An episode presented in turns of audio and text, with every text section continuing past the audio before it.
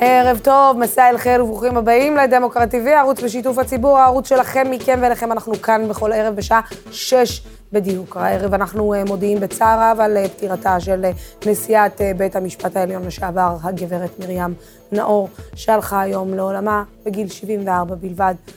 בחודשים האחרונים נאור עמדה לראש הוועדה החשובה לחקר אירועי הר מירון.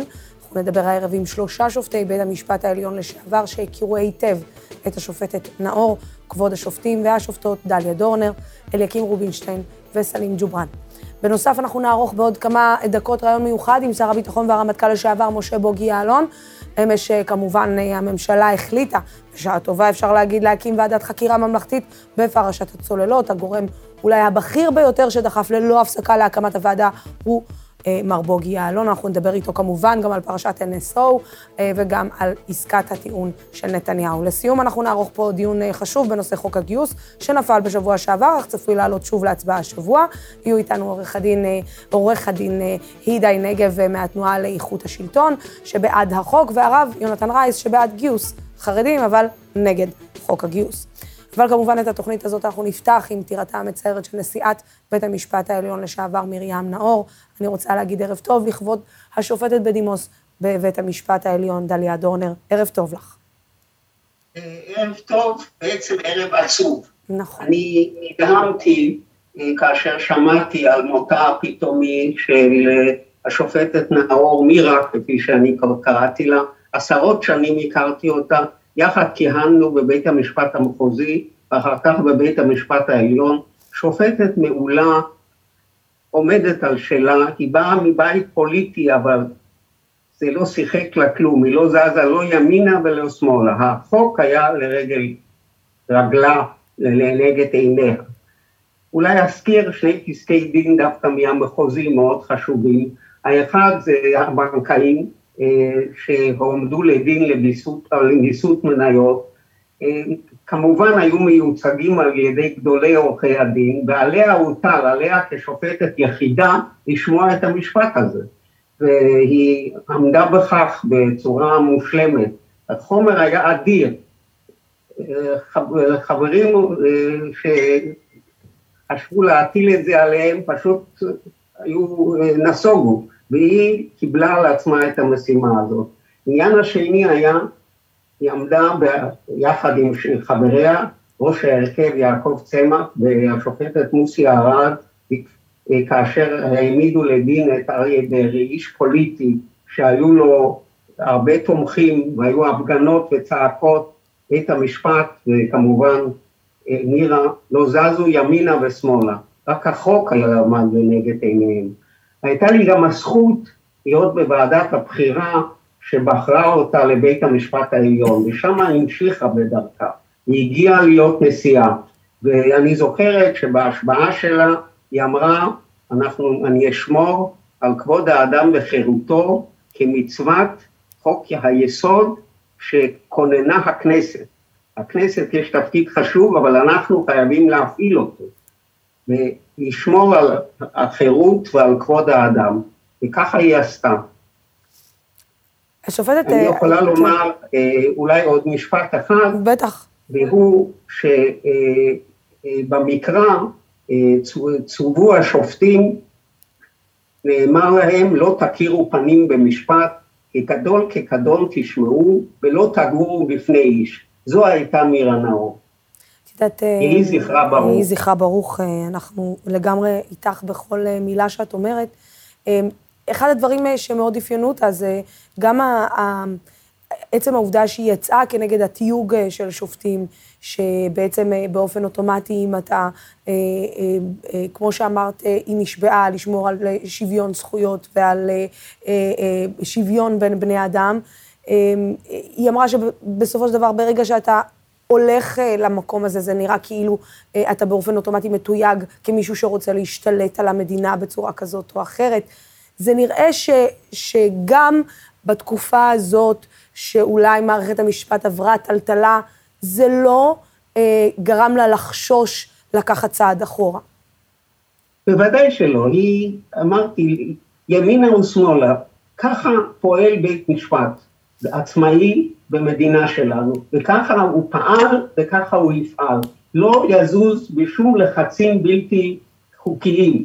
אנחנו פה לקיים את החוק, יש רשות מחוקקת, היא מחוקקת, יש רשות שופטת שאם היא לא עצמאית היא לא יכולה לקיים את אה, תפקידה.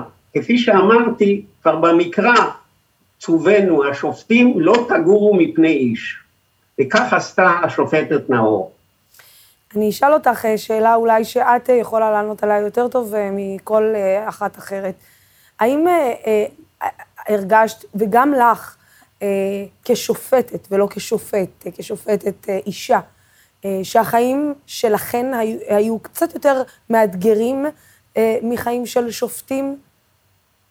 תראי, האדם עושה את מלאכתו ולא חושב, אבל בוודאי שזה קצת יותר מסובך לנשים, בוודאי היה ככה בזמני, אבל בסדר, לא, היה לנו, לי לא היה מספיק זמן אולי לילדים, אבל הם יצאו בסדר, אז לא צריך לדאוג.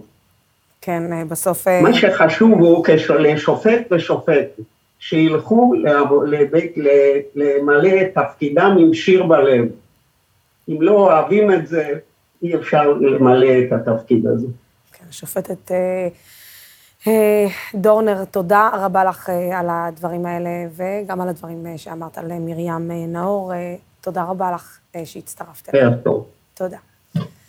עכשיו אה, מצטרף אלינו אדם שתמיד אה, כיף ומעניין אה, לשמוע, בעיקר בשבוע שבו סוף סוף הממשלה החליטה להקים ועדת חקירה ממלכתית לפרשת הצוללות, שר הביטחון והרמטכ"ל לשעבר משה בוגי יעלון. ערב טוב, אפשר להגיד ובא לציון גואל? עדיין לא, לוסי, אבל uh, אני חייב לפתוח גם בכמה מילים uh, לזכרה של נשיאת בית המשפט העליון, השופטת מרים נאור, זכרה לברכה. הכרתי אותה כמובן uh, מתוקף uh, תפקידיי, אישה צנועה, חדת מחשבה, אה, מבחינתה באמת שלטון החוק, ובעידן הזה התמודדה להגן על הממלכתיות, שזה אחד האתגרים היותר משמעותיים שאנחנו כמדינה וכחברה מתמודדים איתה. הזכירה קודמתי בריאיון, השופטת אה, לשעבר אה, דליה דורנר, שמוצאה הפוליטי של מרים נאור, זכרה לברכה, היה מסוים, היא באה מבית רוויזיוניסטי, האיש שלה, אישיות בפני עצמה, פרופסור אריה נאור, אה, מזכיר הממשלה של מנחם בגין, אה, וגם הבנים היו עסוקים בזה, ובעניינים של משפט, כפי שרבים כבר אמרו לפניי, אין פה ימין ושמאל, וחבל שמתייגים, וחבל שיש מגיבים בצורה כזו או אחרת על פטירתה. חבל על די דין ולא משתכחין, יש להגיד עליה. כן, אה, אני לא צריכה להגיד לך מי, מי הם אותם אנשים ואיך הם הגיעו אה, אה, לכנסת ישראל. לצערנו, אולי עדיף גם לא לחזור על הדברים שהם אמרו.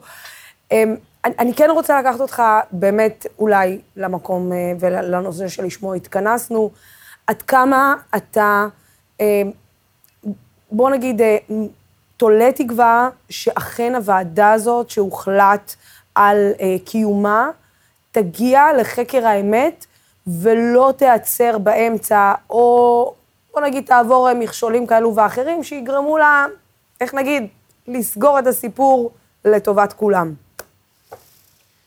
אתמול כששאלו אותי בבוקר, לפני שעלינו לירושלים, עשרות uh, קצינים בכירים, כדי לעודד ולתמוך בהחלטת הממשלה, uh, שאלו אותי מה אני אומר, ויצאו לי שתי מילים באופן ספונטני, סוף סוף.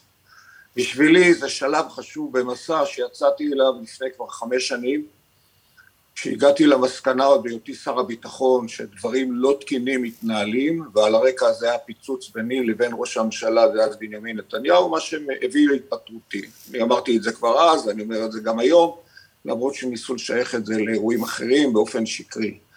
בכל אופן, אה, לצערי עברנו חמש שנים קשות, עם תהליכים לא פשוטים, שבהם אה, לאט לאט אה, גם נצבר מידע שמוכיח את הקשר של ראש הממשלה סביבתו, וגם לצערי עם ביקורת שלי שהפכתי אותה לגלויה לגבי ההתנהלות של היועץ המשפטי לממשלה בערוץ הפלילי. לכן הגעתי למסקנה שאין מנוס מוועדת חקירה ממלכתית, בסופו של דבר זו הערכה הגבוהה ביותר שיכולה לחייב אנשים להתייצב בפניה, ואני מאמין בסופו של דבר שימונה שופט עליון לשעבר, בדימוס, ועוד אנשים טובים שידרשו בפרשה הזאת את כל מי שהיה מעורב לבוא ולהעיד, גם אני כמובן כעד, כפי שהעדתי גם במשטרה ואחרים, ואני מקווה שאכן אור השמש יחטא את מה שהפך כאן לריקבון, שחיתות, אני מאמין שזה מה שיקרה.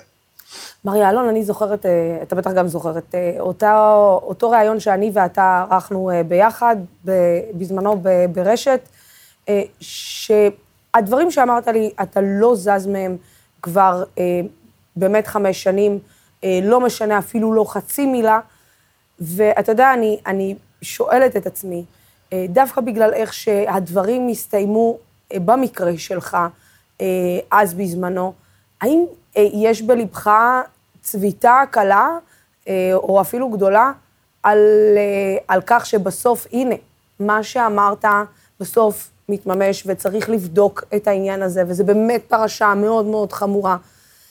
יש משהו בלבך שאומר, סיימתי את התפקיד שלי בקול קצת, קצת צורם, ובטונים צורמים, וזה לא, וזה לא הגיע לי.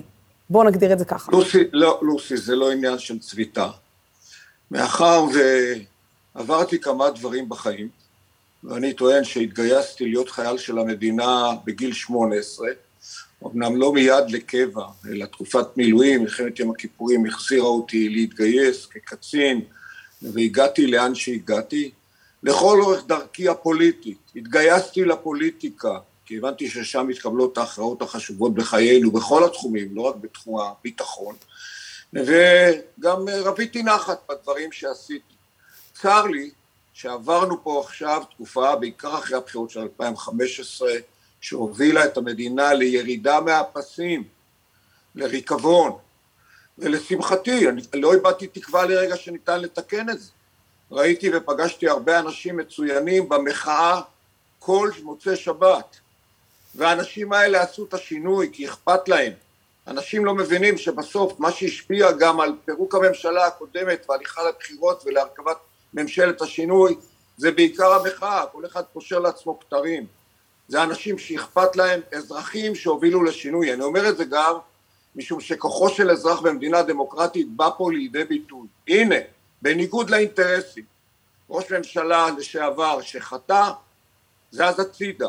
קמה ממשלה שבאה לנקות, התלבטו כן להקים או לא להקים ועדה, הלחץ הציבורי הביא לזה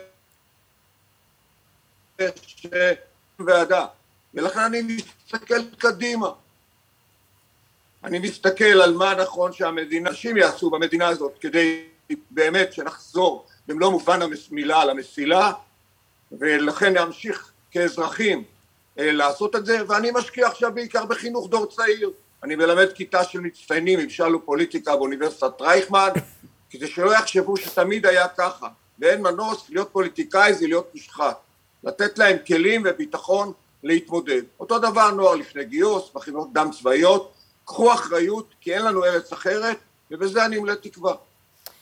אה, היה איזשהו רגע שחשבת, אה, לפי ההתנהלות של הממשלה וממשלת השינוי, ואתה יודע, וכל הגורמים שכל אחד מושך לכיוון שלו, וראית גם אתמול מי אה, הצביע נגד, ומי נמנע, ומי החליט. היה איזשהו רגע שאמרת, כנראה הסיפור הזה כבר לא יקרה בממשלה הזאת? לא, בשום פנים ואופן לא. תראי, בסוף התגבשה פה קבוצה, בהובלת התנועה לאיכות השלטון, שמגיע לה כל הקרדיט על זה שהתנועה הלכה לחקור את הפרשה במשך כמעט שנתיים. והגיע לממצאים שלצערי היועץ המשפטי לממשלה לא התאמץ להגיע אליהם. אני מאוד ביקורתי כלפיו. אני מדבר על מישהו שאני מיניתי אותו לפרקליט צבאי ראשי על רקע ידענותו המשפטית, חוכמתו ויושרתו. אבל לצערי לא בפעם הראשונה נתקל באנשים, משרתי ציבור, וגם פוליטיקאים, שמאבדים עמוד שדרה בפני שכרה. אוי ואבוי. והנה הצלחנו עם התנועה לאיכות השלטון, קבוצה שהתחילה עם עשרות קצינים בכירים שהשתתפה בעתירה לבג"ץ עם תצהירים, היום זה 150 קצינים בכירים שנלחמו למען המדינה הזאת בשדות הקרב ובאו להילחם על עתידה דרך השדה האזרחי, דרך המחאה, דרך הלחץ על הפוליטיקאים לקבל את ההחלטות הנכונות, והנה זה הצליח. אז אני לרגע לא איבדתי תקווה, ואני אומר גם לאחרים, המחאה האזרחית של בודדים, יש לה משמעות. אתה, אתה באמת, אתה יודע, הזכרת את uh, מנדלבליט, ואתה יודע, הש, השאלה היא, הרי כל אותם בכירים, בכירים במערכת הביטחון, שדרשו את החקירה הזאת, והיו חתומים, וביקשו ואמרו שמדובר באחת החקירות, אולי אחד המקרים החמורים ביותר בכל מה שקשור לביטחון המדינה.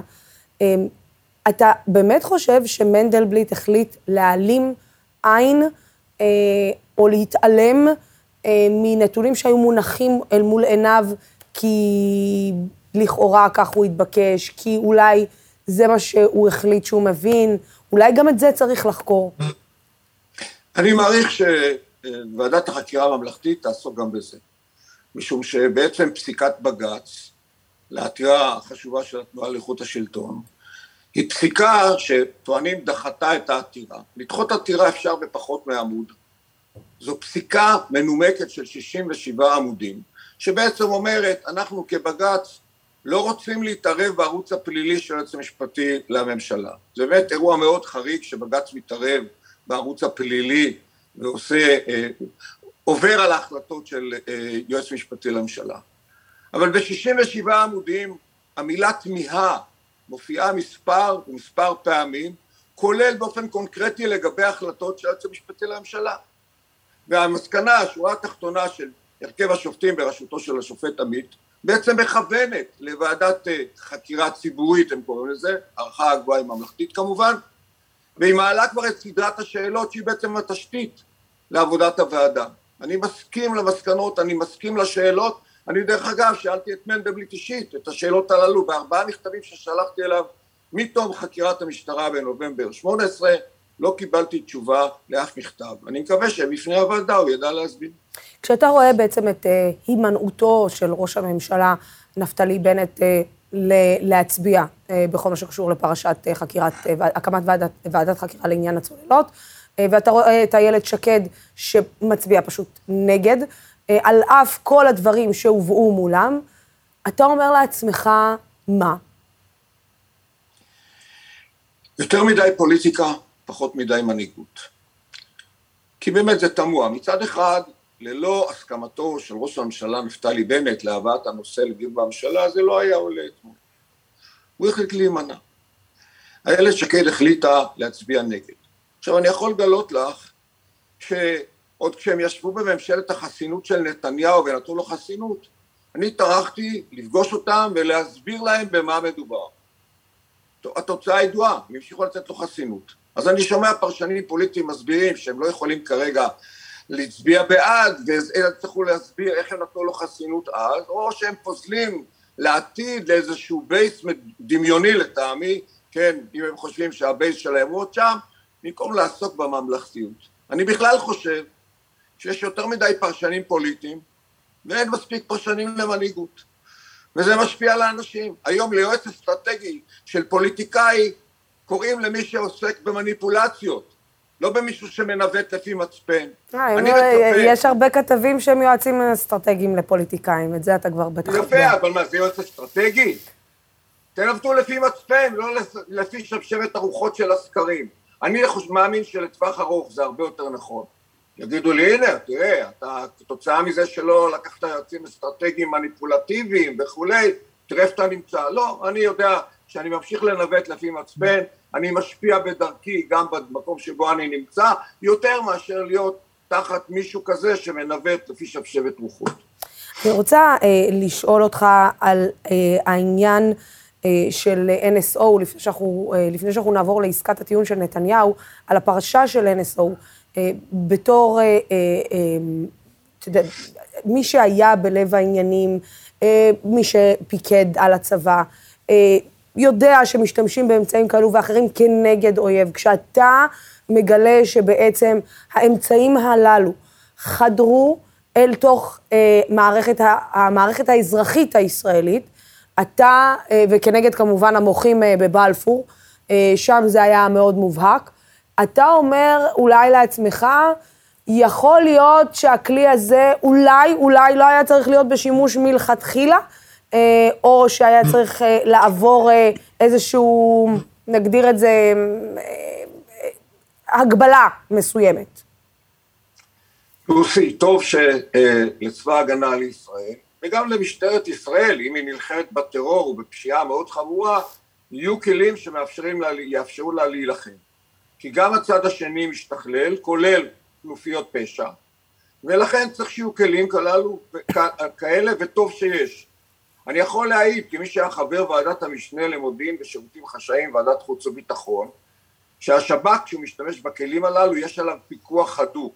מעבר לעניין של לקבל אישורי שופט וכולי, אז גם ועדת המשנה, שהייתי חבר בה, פיקחה על השב"כ, ואני לא מודאג באשר לשב"כ. כשקראתי את התחקיר החשוב של העיתונאי תומר גנון וכלכליסט, יצאתי מודאג, ואני מודאג עד עכשיו. זו סוגיה שחייבת להיבדק לפחות בוועדת בדיקה ממשלתית שימנה שר לביטחון פנים. זה לא יכול להיגמר בתוך המשטרה, זה לא יכול להיגמר בבדיקה של היועץ המשפטי לממשלה שימנה מישהו שיבדוק את זה. חייבים לחשוף את זה לעין השמש כי אני מתוך מה שכתוב ומבין השורות מבין שנעשה שימוש לא ראוי בכלי הזה. ולכן טוב שיעשו כך, טוב שיעשה סדר בעניין, זה מאוד חשוב לעתידנו, לא ייתכן שבדמוקרטיה אה, יעקבו אחרי אזרחים באופן כזה, ישתמשו בחומר שדולים מתוך מכשירי התקשורת, ולא משנה אם זה הג'ימייל או הפלאפון, וישתמשו בזה כאמצעי לחץ כנגד אנשים, זה מאפיין דיקטטורות, אסור שזה יקרה בדמוקרטיה. את יודעת מה, אמר מוסגר רגיל, תראי כמה דברים צריכים לבדוק עם ועדות, זה הריקבון שפשע פה. גם נהרגו לנו 45 מתפללים במירון בגלל התערבות פוליטית בעבודת המשטרה, גם ברחו לנו אסירים ביטחוניים מכלא, כי שנתיים לא, לא מינו אה, נציבת שירות בתי הסוהר, אותו דבר קרה במשטרה. בסוף הדג מסריח מהראש.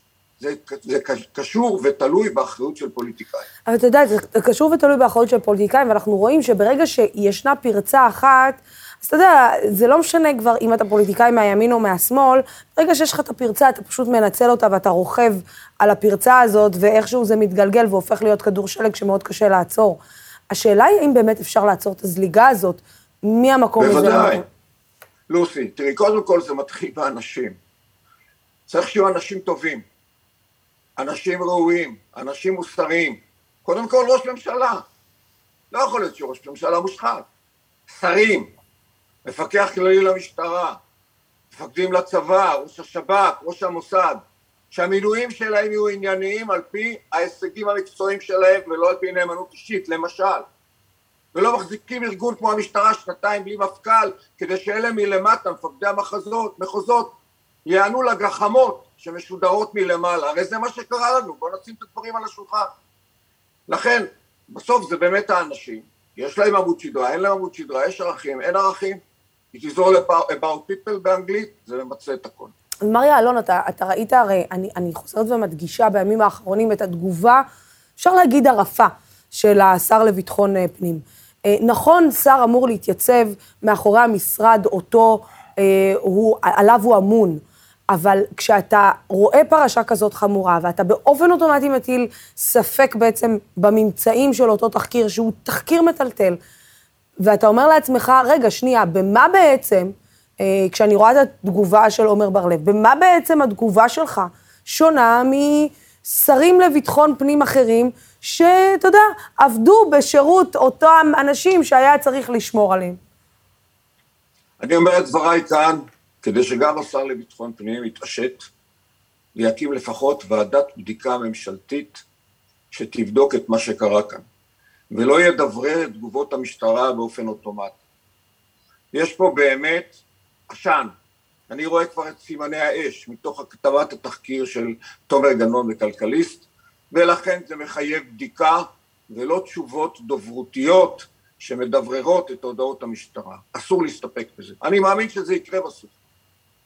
אה, מריה אלון, בוא אה, נעבור אה, ברשותך לעניין עסקת הטיעון, נקרא לה. אה, כולם מדברים עליה כן, לא, לא, כן. כמו שאתה מכיר את מר נתניהו, ויש לך הרבה שעות נתניהו, האם אולי מדובר בכל הסיפור הזה, אולי מדובר בספין בסופו של דבר, שנתניהו בעצם מהלך על כולם?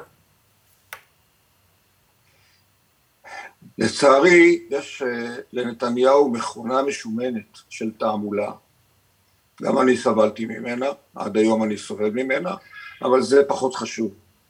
מה שחשוב זה שמצליחים לעבוד, נקרא לזה כך, לעשות מניפולציות על לא מעט אנשים שבסוף מעריצים אותו. עכשיו, האיש הפר כל כך הרבה התחייבויות, כל כך הרבה הבטחות. אז איך עכשיו ייתנו בו אמון שהוא ילך לעסקת טיעון והוא יגיד אני פורש מהחיים הפוליטיים, מתמקחים שם, האם לשנתיים, האם לשבע שנים, הוא לא יפר את זה, ונגיד אפילו שהוא יקבל את זה, הוא לא ימשיך להסית את האנשים שלו במערכת המשפט שהתחלנו את השיחה בדיבור עליה. מי יתנפל על בית המשפט העליון? מי יתנפל על הפרקליטים שנזקקים להבטחה עד היום? מי יתנפלו על אנשי תקשורת שחשפו אמיתות לגביו? שנדרשו גם כן למאבטחים. אז מה מצפים שמה שנקרא הנמר, הכושי יחליף עורו והנמר חברבורותיו? זה לא יקרה. ולכן, ואני מאמין שאהרן ברק בא ממקום טוב, כי באמת המצב שבו אנחנו נמצאים עם ההסתה אחד נגד השני היא מאוד בעייתית. אבל מי שמאמין שזה לא יקרה יום אחרי שתתקבל עסקת טיעון, לכן אני מתנגד באופן מוחלט בעניין הזה לעסקת טיעון.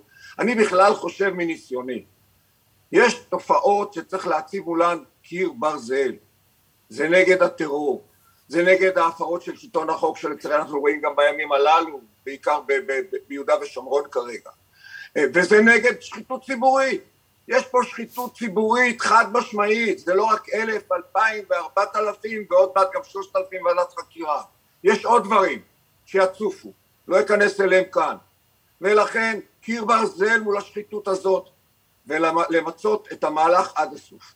מרי אלון, אני חייבת לשאול אותך, העלית את, אה, אתה בעצם את הסיפור אה, של מה שקורה ביהודה ושומרון, אתה פיקדת על הגזרה הזאת אה, לא מעט זמן. אתה רואה את הארץ ללא דין ודיין, אנשים שעושים מה שהם רוצים, חבורה של פושעים שאף אחד לא עוצר אותה, לא הצבא, לא הרמטכ"ל, אף אחד לא מדבר בגנותה. אה, הפכה להיות, גם בקרב כלי התקשורת, סוג של אסור לדבר כי בעצם אלו בני טובים, ואיכשהו בעצם כשמדברים עליהם, אז מכלילים בעצם את כל המתנחלים. כל השיח, איך הגענו למצב שהחבורה הזאת לא נעצרת על ידי בעצם צבא ההגנה לישראל? כי צבא ההגנה לישראל הוא, הוא צבא ההגנה לישראל, אה, וכרגע החבורה הזאת פוגעת גם במדינה בכל היבט שלה, אם זה בהיבט הבינלאומי, אם זה בהיבט ההומני, אם זה בהיבט המוסרי. איך זה יכול להיות שהרמטכ"ל ושר הביטחון לא נעמדים, וראש הממשלה לא נעמדים על הרגליים האחוריות ואומרים, זה הקו האדום שלנו? שאלה מצוינת, וזו אחריותם. אסור שתהיה איזושהי סובלנות למיליציות כאלה ואחרות. אפילו לא בלהקים את אביתר. כשאביתר עלתה על הקרקע, אני חשבתי שהדבר הנכון לעשות זה מיד לפנות את זה. מה פתאום קבוצת אזרחים שיחשבו את עצמם לפטריוטים, לא משנה מה, מחליטה להתיישב? הרי זו החלטת ממשלה. ודאי זה בניגוד לחוק. ולכן היה צריך לפנות את זה מיד. על חומש עם כל הטרגדיה שהייתה שם, שנבעה מישיבה בלתי חוקית שם, היה צריך מיד לעצור את זה. ולא נכנסים למשא ומתן, כן חומש, לא חומש. וזה נכון לגבי ההשתוללות הזאת. תראי, תסתכלי אחורה על התקופות שאני הייתי, התקופה שהייתי שר הביטחון. מה נעשה עם תג מחיר? ברגע שמישיבת יצהר יצאו פורעים, פלוגת מג"ב התיישבה בישיבת יצהר והישיבה הפסיקה לעבוד. והיו עצורים, האירוע הקשה בדומא לא עלינו, של שרפת משפחה. עכשיו, כשיש פוליטיקאים שקורצים בעיניים, ולצערי זה המצב, הם נכנסו לזרם המרכזי, תראי מי הכניס אותם, בן גביר, גם סמוטריץ', ולצערי גם אנשים מימינה קרצו בעיניים אחרי אירועים הללו. אין בעניין הזה קיר ברזל, כשמדברים על ממלכתיות, שלטון חוק זה חוק אחד, נשק אחד, ממשלה אחת, ולא מיליציות, וזה מקור הסמכות. ולכן אני מצפה שתהיה פה התנערות של המערכת הפוליטית קודם כל, שתנחה את, הממשל, את הצבא ואת השב"כ לעסוק בזה ולעצור את זה כמה שיותר מהר. אריה אלון, אתה בטח אה, כמוני, אה, כמו רבים, אה, קראת את הכתבה עם הרמטכ"ל לשעבר גדי איזנקוט בסוף השבוע של בן כספית. אתה יודע, הוא אומר שם דברים מאוד מאוד דומים בהווייתם ובתוכן שלהם לדברים שאתה אמרת. אתה בתחילת השיחה הזאת אומר שעד היום אתה סובל מאותה הסתה שעד היום מופנית כלפיך. בזמנו אתה ואייזנקוט, איך נגיד, חלקתם את, ה... את ההסתה גב אל גב, כשאתה יצאת באופן אוטומטי להגנתו, לא באופן אוטומטי, אחרי בעצם תחקיר ש... שהיה.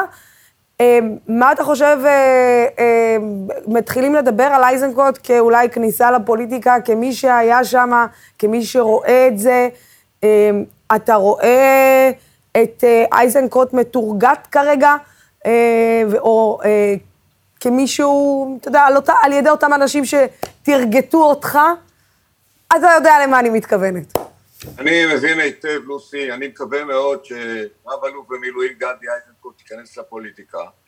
אנחנו זקוקים לאנשים מצוינים כמוהו, אה, אני יכול להעיד, תלמידי הטוב, באמת, אה, ולכן גם נהניתי לקרוא את הכתבה, אנחנו מדברים באותה שפה על ממלכתיות. ולכן הוא גם הותקף. עכשיו הוא מספר שם בכתבה שכשעלה האירוע של אלאור עזריה שהפיצו לגביו הרבה שקרים גם לגביו וגם לגביי שקרים שקרים שקרים כן יש עיתון במדינת ישראל ישראל היום שעשה אותו גיבור בגיליון יום הזיכרון האחרון לא את רועי קליין זכרו לברכה את החייל הזה שללא סכנת חיים ירה במחבל ואמר יריתי כי מגיע לו למות. כל אחר כך זה, כל, אחר כך זה, כל הסיפורים אחר כך זה סיפורים. ומספר שם גדי איילינקוט שנודע לו שמי שהתחיל את הקמפיין ברשת נגדו ונגדי זה הסביבה הקרובה של נתניהו שבהתחלה היה איתנו, אני מזכיר שכשקרה האירוע ואחרי שהוצג התחקיר המבצעי באותו יום אחר הצהריים יצאנו גם ראש הממשלה, גם אני כשר ביטחון, גם הרמטכ"ל כנגד העניין, משום שהתחילו להגיד עלינו שאנחנו רוצים פלסטינאים, הנה ההוכחה. פתאום נתניהו התהפך, כנראה חזר הביתה ושמע שם את הבן שלו מספר לו מה הם עושים ברשת, אז הוא התהפך. זה לא מנהיגות, אבל זה שרת אותו, גם בלפגוע בי, גם בלפגוע באייזנקוט. מנהיגות ולא פוליטיקה. מספיק עם זה, זה עושה נזק למדינה, זה עושה נזק עצום למדינה. אנחנו מדינה שצריכה לדעת לנצח, להישאר בני אדם. תוקף מוסרי, דיבר עליו בן גוריון, מאוד חשוב. לצערי סטינו, אבל זה לא אבוד. אני מלא תקווה שניתן לשנות את זה. אז בעצם אה, מבחינתך אתה המלצת לגדי איזנקוט להיכנס אה, לפוליטיקה? בהחלט. בהחלט, תראה, אני חושב שבכלל, התופעה הזאת שתוקפים אותה, רמטכ"לים לשעבר, מי שמגיע להיות רמטכ"ל כנראה שאכפת לו מהמדינה. הוא גם צובר ניסיון, כולל חיכוך עם הדרג המדיני. אני שאלתי את עצמי כשהשתחררתי, רגע, מה אני עושה עם הניסיון הזה? אני אעשה איתו כסף? אמרתי, אני אלך לעזור למדינה, לקחת אחריות לטובת המדינה. אז זו כנראה גם התחושה באופן טבעי של גדי איזנקוט, כמו שהוא קיבל החלטות בתוך הצבא להתקדם ולהגיע לתפקיד רמטכ"ל, הוא מוכן לקחת אחריות גם היום. מר משה בוגי יעלון, תמיד תענוג אה, לדבר איתך. תודה רבה לך על השיחה הזאת. תודה לוסי, ונשתדל שיהיו ימים טובים. הוא אה, נשתמע מאוד בקרוב. תודה רבה לך. תודה. תודה. וכעת אנחנו נמשיך להתייחס אה, לפטירתה של נשיאת בית המשפט העליון לשעבר מרים נאור. רוצה להגיד ערב טוב לשופט בית המשפט העליון לשעבר אליקים רובינשטיין. שלום. שלום, שלום, ערב טוב. אה, עצוב. ערב עצוב, ערב עצוב, אה, יש אה, להגיד. כן. אני אתן לך את הבמה, כי אתה יודע, אני יכולה רק לשאול, אבל אתה מכיר, אתה יודע. הבמה שלך. תודה, אני מודה לך. הכרתי את מרים נאור, לצערי אני צריך להגיד עליה שלום, כשהיינו סטודנטים לפני יותר מיובל שנים, ו... שירתנו אחר כך יחד גם בבית המשפט המחוזי והרבה שנים בבית המשפט העליון וסיימנו, כשאני משנה שלה. אה, מרים נאור הייתה אה, שופטת למופת. אני הייתי אומר את זה גם בחייה, זה לא מהסוג של אחרי מות קדושים אמור, אלא כך היא הייתה בחייה. היא הייתה אה, שופטת 38 שנים, זה מאוד סמלי שהיא גם נפטרה על משמרתה ב, אה, בוועדת החקירה אה, של אסון מירון. היא הייתה באמת שופטת בכל רמ"ח איבריה יסודית, מעמיקה, רצינית. הקו המאפיין אותה לדעתי הוא יושרה בלתי רגילה. כולנו אמורים להיות לא רק שופטים, גם בני אדם, אמורים להיות ישרים, יושרה. היא הייתה יושרה בהתגלמותה. חוץ מזה שהיא הייתה חרוצה ומעמיקה בכל תיק, מי שהתיק שלו נפל לטיפולה, יכול היה להאמין שבגדרי החוק יעשה לו צדק.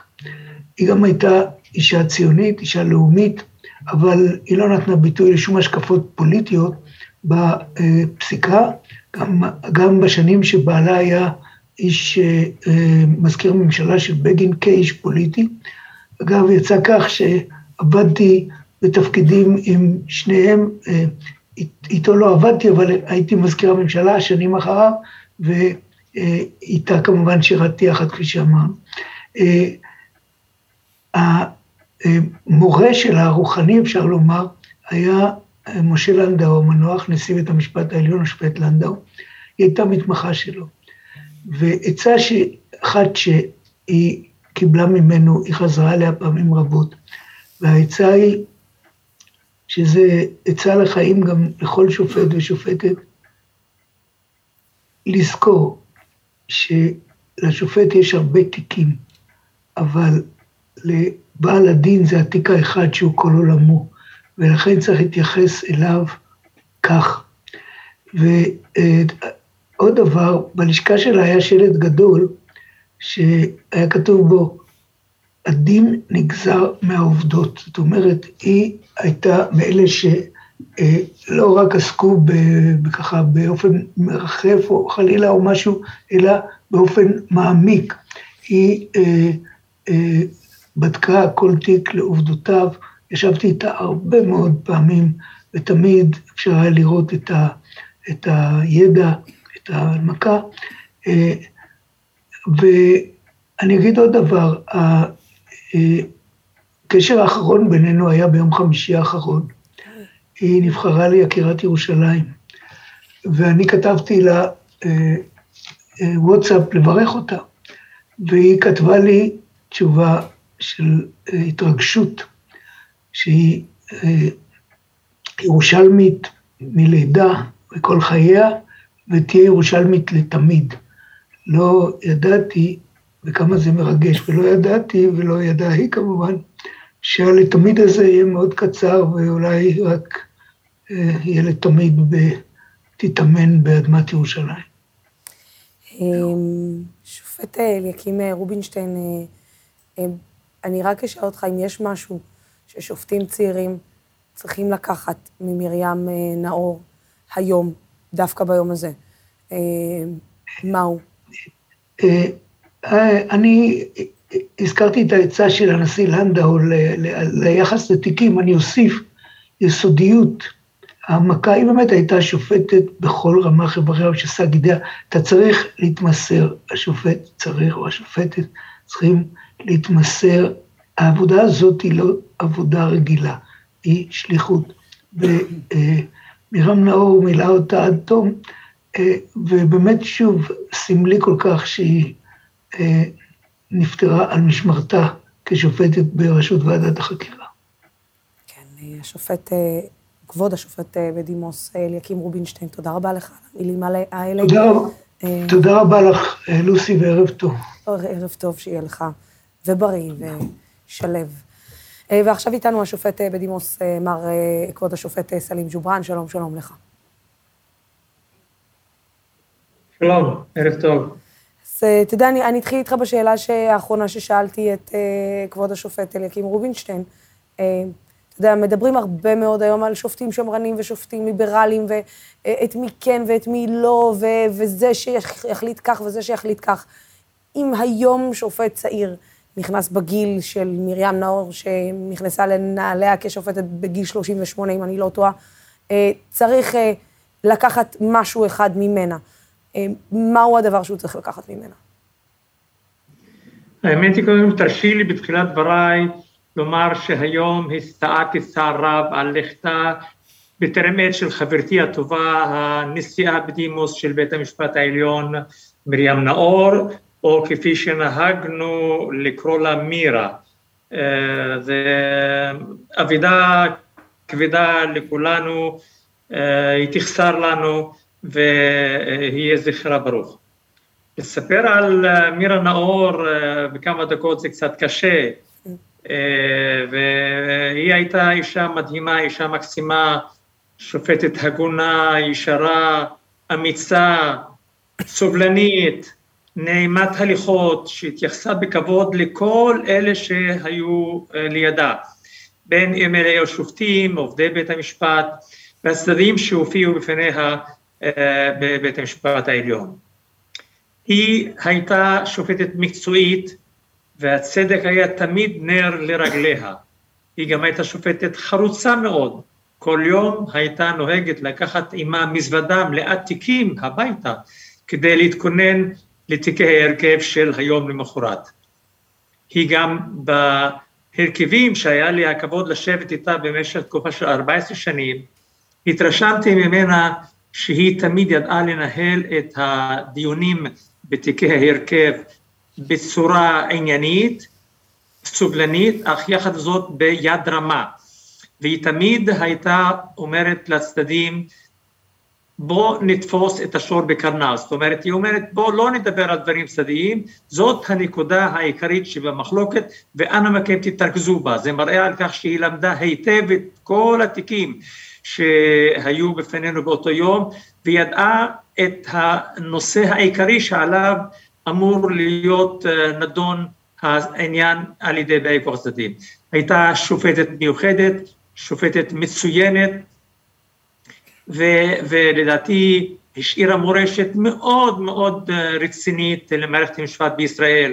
הפסיקות שלה היו פסיקות רבות ומגוונות בהרבה תחומי חיים, למשל זכור משפט הבנקאים בשנת 1994 כאשר הרשיעה בנקים מרכזיים, בנקאים מרכזיים בכל הנושא של ויסות המניות, אותה פרשה שגרמה לנזק כלכלי רב לכלכלת המדינה בשנת 1983. היו לה פסיקות מעניינות לגבי חוק המסתננים, כאשר היא קבעה שאסור להחזיק במתקן חולות 20 חודשים מבקשי מקלט אשר לא עשו שום עבירה, אסור להם והחוק הזה הוא בטל ומבוטל. אותו דבר קבעה שאסור להחזיק במתקני כליאה מבקשי קליטה שאמורים היו להיות מגורשים בחזרה למדינות שלהם ללא הסכמתם. דברים מאוד חשובים.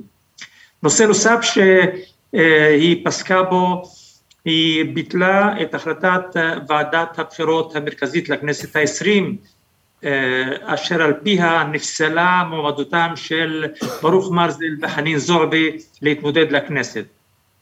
מקרה נוסף שהייתה לה בפסק דין מאוד חשוב הוא בנושא גיוס תלמידי ישיבות. והיא קבעה שאותו הסדר שפטר את תלמידי הישיבות מגיוס הוא בלתי חוקי.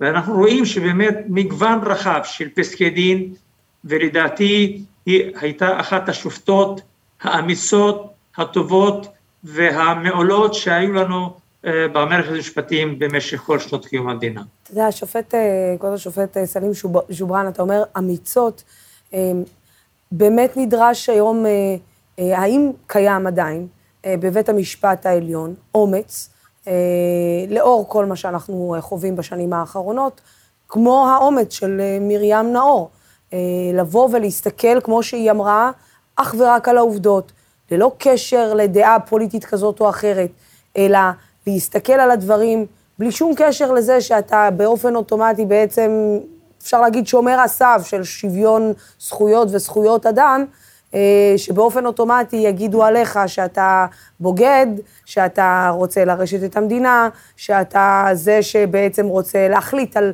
איך המדינה תיראה או מה היא תיראה. אה, והשאלה היא האם באמת האומץ הזה, אה, היא השאירה אותו כעמוד תווך בבית המשפט העליון. האמת היא שכפי שאמרתי, הרבה פסיקה שלה עדיין נחשבת לפסיקה חשובה ומסוטטת היום רבות על ידי שופטי בית המשפט העליון, מפני שהקביעות שהיא קבעה הן כל כך חשובות, במיוחד בתחום זכויות האדם.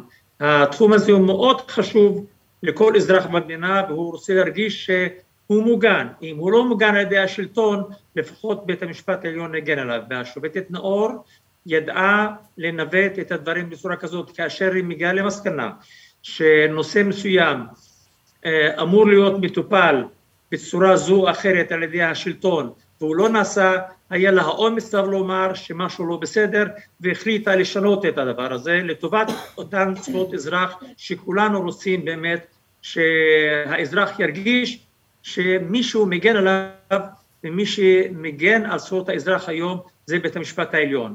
אה, בית המשפט העליון באמת עושה את המרב לא תמיד כמובן הוא יכול להעניק את כל הסעדים אה, לעותרים, אבל ברוב המקרים כאשר הוא מרגיש שנעשה עוול לאזרח מסוים, באומץ רב בית המשפט העליון מחליט לקבוע שהעוול הזה חייב להיפסק מיד, ובאותה תקופה שהנשיאה נאור אכן הייתה הנשיאה של בית המשפט, היו לה הרבה פסיקות בנושאים האלה.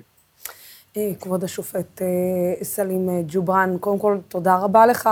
אנחנו הרבה זמן מנסים לראיין אותך, חבל שבנסיבות האלו אנחנו נשמח לדבר איתך שוב בנסיבות טובות יותר, אחרות. תודה רבה לך על הדברים האלה. תודה רבה לך, בהצלחה. תודה. תודה רבה. ביי, להתראות.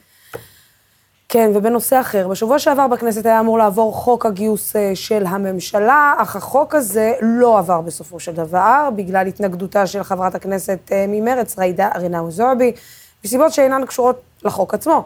אבל האם חוק הגיוס הוא הפתרון הנכון עבור המדינה ועבור הצבא? נמצאים איתנו הרב יונתן רייס, אה, ראש ישיבת ההסדר לגיוס חדוותא, שמאוד בעד גיוס חרדים, אבל נגד החוק. ואיתו עורך הדין אה, אה, הידי אה, נגב, מנהל מחלקת מדיניות וחקיקה בתנועת, בתנועה לאיכות השלטון. שלום, ערב טוב לשניכם. שלום, ערב טוב. אז בואו רגע שנייה נעשה סדר, למען הסדר הטוב. מה אומר חוק הגיוס הזה, ולמה בעצם הוא לא נכון בקונסטלציה הנוכחית שלו, כמו שאתה מרגיש.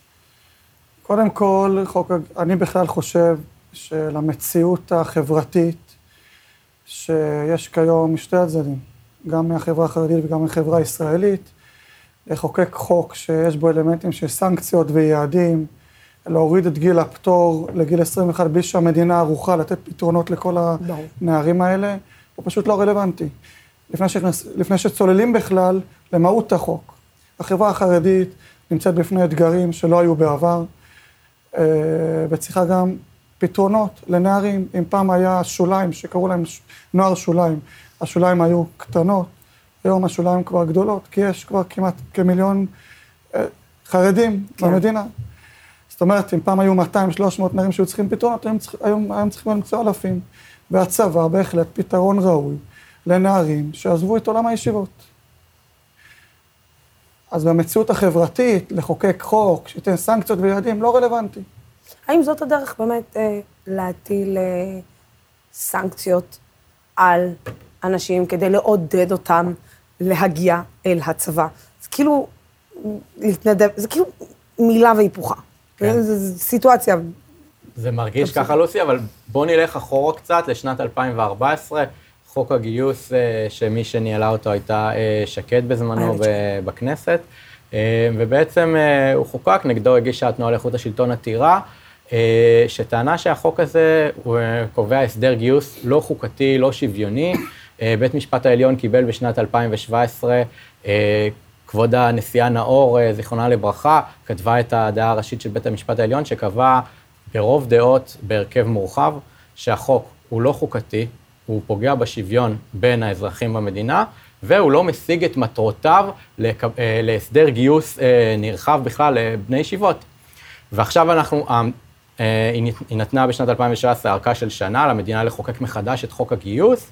המדינה לאורך השנים עד היום בעצם כל פעם ביקשה מבית משפט בקשות אורכה כדי לחוקק, לא הצליחה לחוקק, ובעצם אנחנו נמצאים היום בבקשת אורכה האחרונה בעתירה שלנו, שבה מבקשים לחוקק מחדש את חוק הגיוס.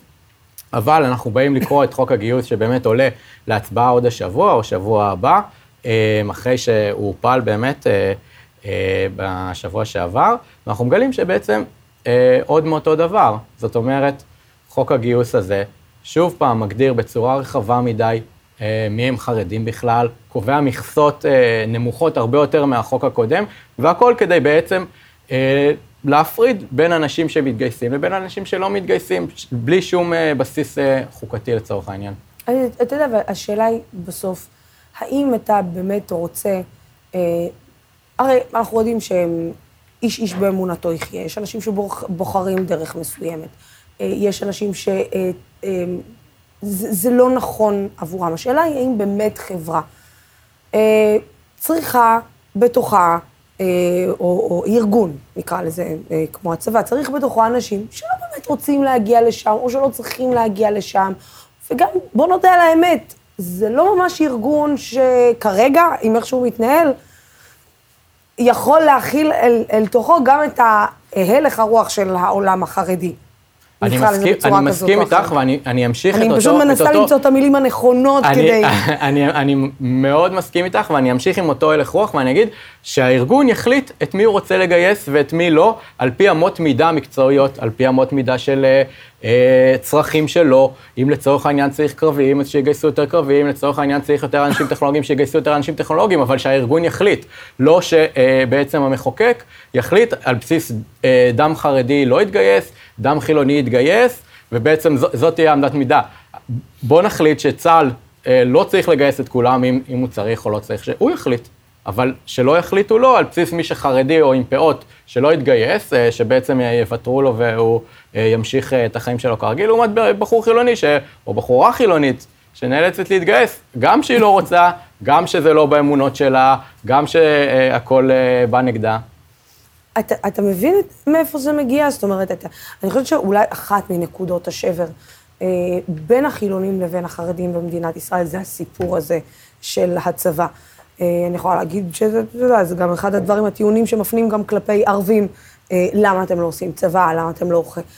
אתה יכול להבין את העניין הזה? זאת אומרת, שבאים ואומרים, אבל רגע, אתם אזרחים, אנחנו אזרחים, אנחנו מביאים ילדים, אתם מביאים ילדים, אנחנו חיים באותה מדינה, אתם חיים באותה מדינה, אנחנו משלמים מיסים.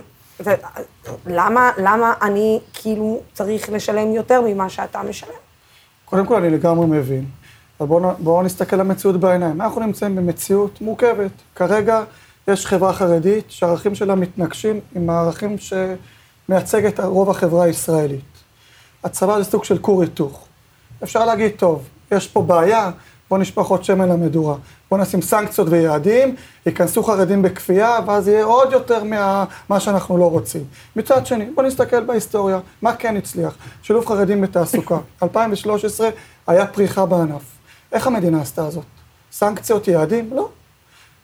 נפתלי בנט היה שר הכלכלה, ויאמר לזכותו, הוא הבין שבשביל לשלב את החברה החרדית שרוצה להשתלב בחברה הישראלית, אנחנו צריכים לבנות גשר. הוא בנה מרכזי הכוון. אתה, אתה לא עושה נגיד גשר, אה, סליחה שאני קוטעת אותך, אבל אתה לא עושה נגיד גשר לבן אדם שנגיד בגיל 18 בא ואומר, וואלה, אני לא מאמין בהימצאות של ישראל אה, בשטחים אה, הכבושים. אני לא מאמין שאני צריך ללכת ולשרת אה, במחסומים, או להכניס או לא להכניס פלסטינים לארץ, או לא להכניס אותם, לתת להם אישור או לא לתת להם אישור, ובכל זאת, אני הולך ואני עושה את זה, כי זה מה שהמדינה דורשת ממני. אין בעיה, שנייה, לפני שאנחנו נכנסים לפרטים. ב-2013, מה שנפתלי בנט, שהוא היום ראש הממשלה, עשה אז כשר הכלכלה, הוא עשה משהו מאוד פשוט.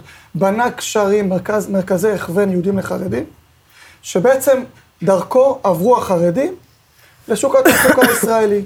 נתנו להם את הכלים, את ההכוונה, פתחו להם את כל מה שצריך, והגיעו לשוק התעסוקה החרדי פורח.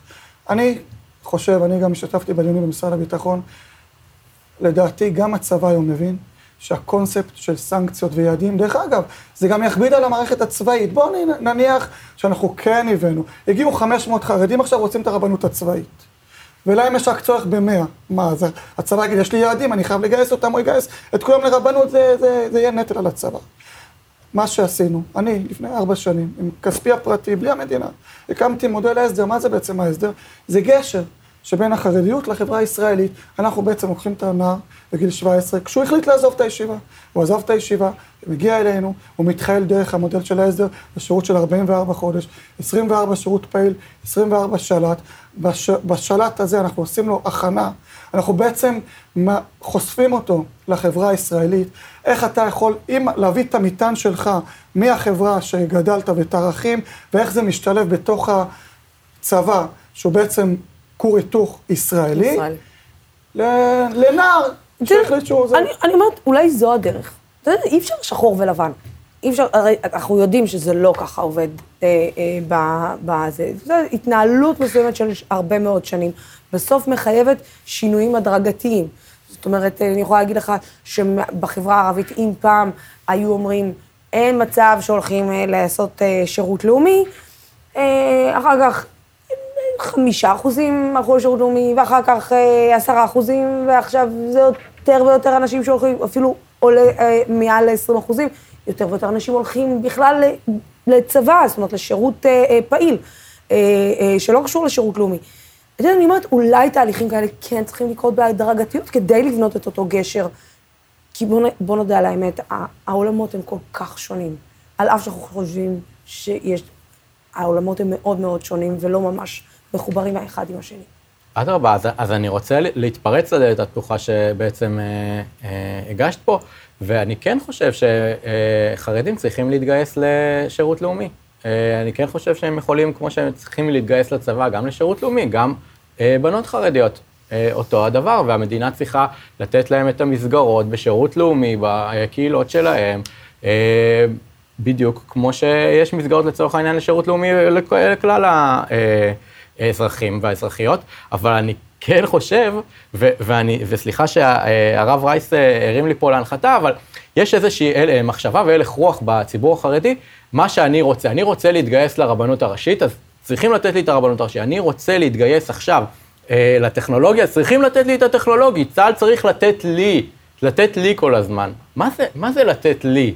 מה זה לתת את מה שהוא רוצה? אני לא צריכה להגיד לך, אה, טוב, אתה יודע, מהיכרותי המאוד מועטת, אה, מאוד אה, מעטה עם צה"ל, לא מבטיחים, לא נותנים שום דבר לאף אחד, והכל, מה שאומרים לך לעשות, אתה עושה. אבל אתה יודע, אני גם לא צריכה להגיד לך על כוח האדם המיותר שיש בצבא, שלא עושה כלום, ומה כבר יעשו אותם 500 חרדים, או 1,000 חרדים, או 2,000, או 3,000 חרדים, שיגיעו שלא יגיעו למקומות שהם צריכים להגיע, וישבו, ומה?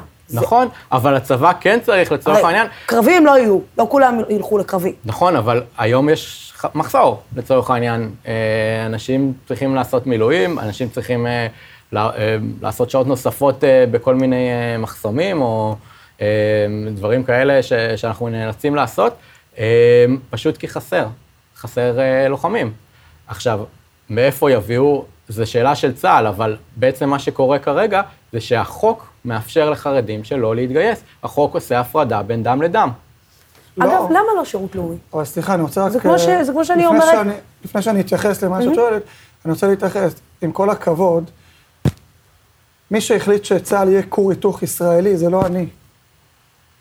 אף אחד לא יכול להגיע לכפות עליי, בוא, בוא, תהיה בתוך הכור ההיתוך שלנו. אדרבה, אם יעשו מחר, יחליטו שרק החברה החרדית הולכת לעשות צבא משלה, והיא זאת שתישא בנטל, יכול להיות שזה יתאים, כי יש הבנה היום שלא כולם לומדים תורה כל היום.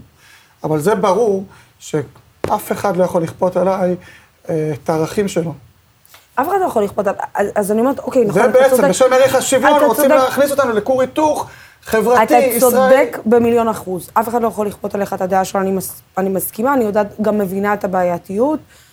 ובכל זאת, אני שואלת שוב, אה, למה לא שירות לאומי? זאת אומרת, אני נגיד יכולה להבין את הבעייתיות של ערבים, שאומרים, לי קשה ללכת לצבא הישראלי, כי 48 היה, אה, קרה פה מה שקרה, אני צריך להיפגש אולי עם בני משפחה שלי שחיים בחברון, שחיים בשכם, שחיים בזה, ואז אני בעצם מולם בנשק. הרי יש מאלף ואחת סיבות, ה- היחסים בין ערבים ליהודים. אני יכולה להבין את זה, אבל למה לא שירות לאומי? וזו טענה שאני מפנה אותה גם כלפי החברה הערבית. למה לא ללכת לשרת את הקהילה שלך?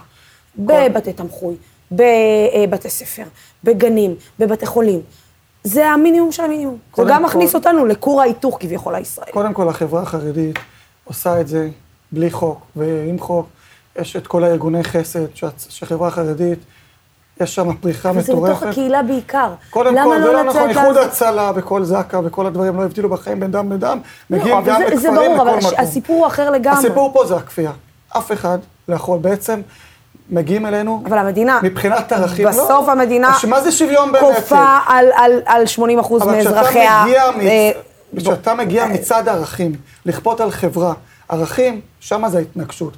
אף, אני, אני דרך אגב חושב שצריך לשבת היום בשולחן עגול, אגף כוח אדם בצה"ל, משרד הביטחון, עם הח"כים החרדים או עם אנשי חינוך חרדים.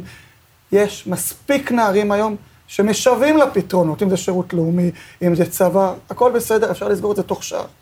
הוויכוח פה הוא לא ויכוח על, על מצוקות כוח אדם בצה"ל. כי גם אה, הידי לא הלך לשב עם ראש אכ"א ושאל אותו מה הצרכים שלך, וגם, אה, אין פה בכלל ויכוח אם, אם, אם צריך חיילים חרדיים, ב- בשביל הסד"כ, בשביל בניית כוח האדם, זה לא הוויכוח. יש פה ויכוח תרבותי בתוך המדינה, וחוק הגיוס מתלבש על זה. כוח תרבותי, שאנחנו לא יכולים כנראה לגשר עליו. אמ, תראי, לוסי, שוב, אגב, השאלה מופנית גם אליך. אה, יש פה, יש פה, כן לג- כן, יש פה עניין של. של כפייה. האם, מה זה חוק? חוק זה כפייה. זה- זה כפייה, כן, נכון? בסופו של זה כמו דבר... שהחוק אומר לי לעמוד באדום. או כמו שהחוק אומר לך. לשים חגורה, אז יכול נכון. להיות שבערכים שלך לא לשים חגורה, ויכול להיות שבערכים שלך לא להתחסן, אבל יש חוק, לצורך העניין. לצורך העניין, לא, בעניין חגורה, כן, עזוב אל את החיסונים, לעניין נכניס את זה. פה. אבל- לצורך העניין, את חייבת לעמוד באדום, למרות שזה נכון. מנוגד יכול להיות לערכים שלך לעמוד באדום. אבל זה חוק, זה כפייה. אנחנו חיים במדינה שיש לה חוקים, וזה חלק. מהעניין. אז בואו נכפה עליך ללבוש כיפה. מחר יהיה פה שליטה חרדית, כי הרי לפי הדמוגרפיה אנחנו פה נשלוט עוד 30 שנה, ואיך תרגיש אם נכפה עליך ללבוש כיפה או לעשות אה, שמע ישראל בבוקר, גם לא תאהב את זה. וזה גם לא נכון. אבל אני- אבל לא אני לא אומר, אני כופה חושב עליך ככה, אם, אמונה. אם אנחנו רוצים להסתכל למציאות בעיניים, קודם כל צריך להגיד, אי אפשר לגשר על הוויכוח התרבותי, כי ערכים הם כותבים מצד לצד. אבל מפה לא, אפשר אבל אתה צריך להתקדם להבין גם לפתרונות. שזה לא חלום של כל ילד חילוני להתגייס לצבא. אתה יודע, זה, זה כאילו, זה, אין פה, זה לא ילד בא ואומר, חלום שלי זה להתגייס לצבא. שלוש שנים שנלקחות. מהחיים שלך. אתה יודע, זה לא אמון, זה, זה, זה, זה שלוש שנים שנלקחות מהחיים שלך לטובת המדינה, עד שהמדינה לא עוברת לצבא מקצועי, וכל עוד זה צבא העם, וכך קוראים לו צבא אז זה העם. אומר, בגלל אמוציות, את רוצה לכפות עליי להיות במקום לא, לא אמוציות, אבל זה, זה. החלטות, אבל- לא אבל אמוציות. זה בסדר, אז בואו תשנו את הקונספט הצבאי ותגידו לנו. מחליטים- אבל רגע, הרב רייס, אתה- אתה יודע לשים את אבל לא האצבע? בקונספט הנוכחי. אתה יודע לשים את האצבע, מה נוגד את הערכים שלך בגיוס? אני אתן לך דוגמה. אני עשיתי טירונות, היה שם את המצגת של לא, לא, לא, הטרדות מיניות וכולו וכולו. אני מעולם לא נחשפתי לדברים האלה. אני דוגל בשיטה, כמה, כמה שפחות, אנחנו מציעים, אנחנו מסתכלים על המציאות בעיניים, יש גם בחברה החרדית דברים שליליים, הכל בסדר, אף אחד לא, לא, לא בא להיות פה טהרן וצדקן. אני כמה שפחות לחשוף, לחשוף לדברים שליליים, לתכנים שליליים, זה התפיסה שלי שזה שומר עליי. ברור שמה שצריך, צריך. אני הגעתי בתור uh, חייל, בתור uh, טוראי מתחיל, הגעתי ליוהל"ן, אמרתי, תקשיבי, למה אני חייב בפ- בפקודה להיחשף לתכנים שנוגדים? אמר לי, לא, לא, לא, אנחנו פה, זה מבחינת הטרדות וכולו, אה, ארגוני הנשים, היה, היה תירוצים מכאן ועד הודעה חדשה. לי, אני בכפייה, בפקודה, ישבתי ונחשפתי לתכנים שלא רציתי.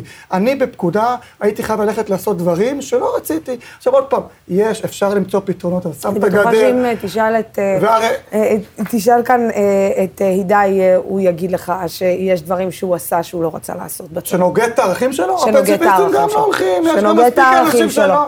אני, ערכים בסיסיים, ערכים ליבתיים. אתה רוצה שנפתח את שוברים שתיקה? אתה לא- רוצה שאנחנו נפתח את... אה, אני בכלא. לפחות לא רוצה, לא רוצה לכפות על אף אחד לוותר על הערכים שלו. ואם הצבא לא יודע להתאים את עצמו לערכים שלי, אתה יודע, אני אני אה, רק חייבת להגיד. שלגבי הטרדות מיניות, אולי חשוב אה, לדבר על זה גם בחברה החרדית, אתה יודע, על. אחת נכון, כמה אבל- וכמה עם כל הסיפורים שאנחנו לא שומעים אמרתי שלא, לאחרונה. פותחים את זה ופותחים, יש יותר חשיפה, אף אחד לא אמר שלא. כן.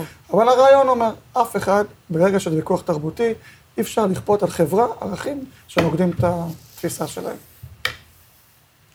אתה לא. לא. אנחנו, אנחנו נסכים נשאיר שלא את הדיון. להסכים. לא, כן, נסכים שלא להסכים, אבל יש דברים לפחות שנשארים. התקדמנו. כן, לפחות כן, נסכים שלא להסכים זה גם לפחות התקדמות.